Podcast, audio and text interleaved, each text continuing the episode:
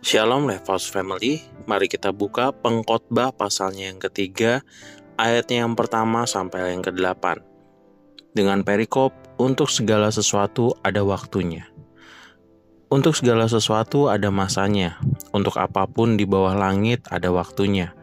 Ada waktu untuk lahir, ada waktu untuk meninggal, ada waktu untuk menanam, ada waktu untuk mencabut yang ditanam, ada waktu untuk membunuh, ada waktu untuk menyembuhkan, ada waktu untuk merombak, ada waktu untuk membangun, ada waktu untuk menangis, ada waktu untuk tertawa, ada waktu untuk meratap, ada waktu untuk menari, ada waktu untuk membuang batu, ada waktu untuk mengumpulkan batu, ada waktu untuk memeluk, ada waktu untuk menahan diri dari memeluk, ada waktu untuk mencari, ada waktu untuk membiarkan rugi, ada waktu untuk menyimpan, ada waktu untuk membuang, ada waktu untuk merobek, ada waktu untuk menjahit, ada waktu untuk berdiam diri, ada waktu untuk berbicara, ada waktu untuk mengasihi, ada waktu untuk membenci, ada waktu untuk perang, ada waktu untuk damai. Waktu yang sudah kita lewati sepanjang satu tahun ini, mungkin banyak peristiwa yang kita alami, baik dari yang senang, baik yang dari yang sedih, bahagia, dan banyak hal lainnya. Mungkin banyak peristiwa yang sudah kita alami dari rentang waktu sepanjang 2021. Banyak hal yang menjadikan kita seperti saat ini.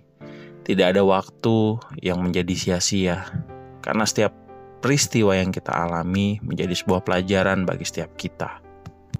Setiap peristiwa terjadi pasti memiliki tujuan dan maksud di samping mendidik kita, juga menempa kita menjadi pribadi yang luar biasa. Banyak peristiwa yang terjadi selama 2021.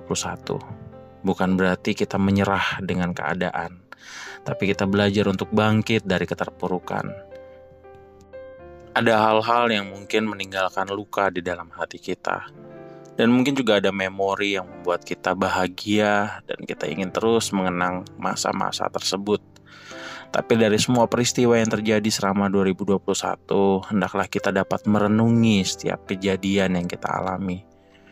Dari pembelajaran-pembelajaran kehidupan ini, menempa kita menjadi sosok pribadi yang lebih baik lagi di tahun 2022. Kita berharap bersama-sama setiap kejadian yang terjadi menjadi sebuah tolak ukur akan peningkatan setiap keimanan kita, kerohanian kita.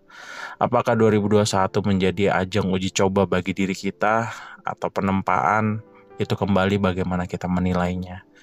Karena setiap peristiwa yang terjadi tidak mungkin kebetulan, karena tidak ada yang kebetulan di dalam kehidupan kita. Penyertaan Tuhan nyata dalam setiap kehidupan kita, bahkan untuk hal terkecil dalam kehidupan kita. Tinggal bagaimana kita mensyukuri setiap situasi dan keadaan yang kita alami saat ini. Banyak impian yang mungkin tidak tercapai di 2021 banyak rencana yang hancur mungkin di 2021. Tapi itu bukan sebuah alasan untuk kita mengurungkan semua niatan kita, mengurungkan setiap mimpi-mimpi kita. Mari kita ukur kembali ke dalam diri kita. Sebesar apa persiapan kita untuk menggapai semua hal tersebut. 2022 mungkin awal yang baru, tapi bukan berarti kita merombak semua keinginan kita, target kita, impian kita.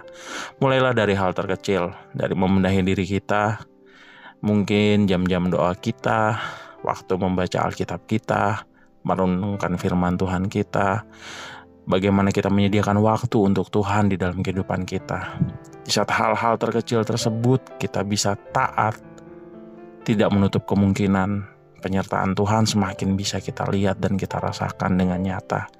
Bukan berarti di saat kita tidak melakukan hal-hal yang rohani, kita membuat penyertaan Tuhan pergi dari kita. Tidak tetapi di saat kita melakukan semua hal tersebut, itu melatih kita untuk menjadi pribadi yang lebih baik. Semoga 2022 menjadi awal baru, babak baru bagi setiap kehidupan kita untuk terus bisa hidup bersekutu bersama-sama dengan Tuhan. Semoga hal yang sudah berlalu kita taruh jauh di belakang. Masa lalu kita mungkin tidak dapat kita rubah, tetapi masa depan kita dapat kita tata kembali. Mulailah dari awal, dengan sebuah semangat, spirit kebersamaan, dan terus taat kepada Tuhan. Semoga di tahun 2022 menjadi awal yang baru untuk kita semua dan kita jauh menjadi pribadi yang lebih baik.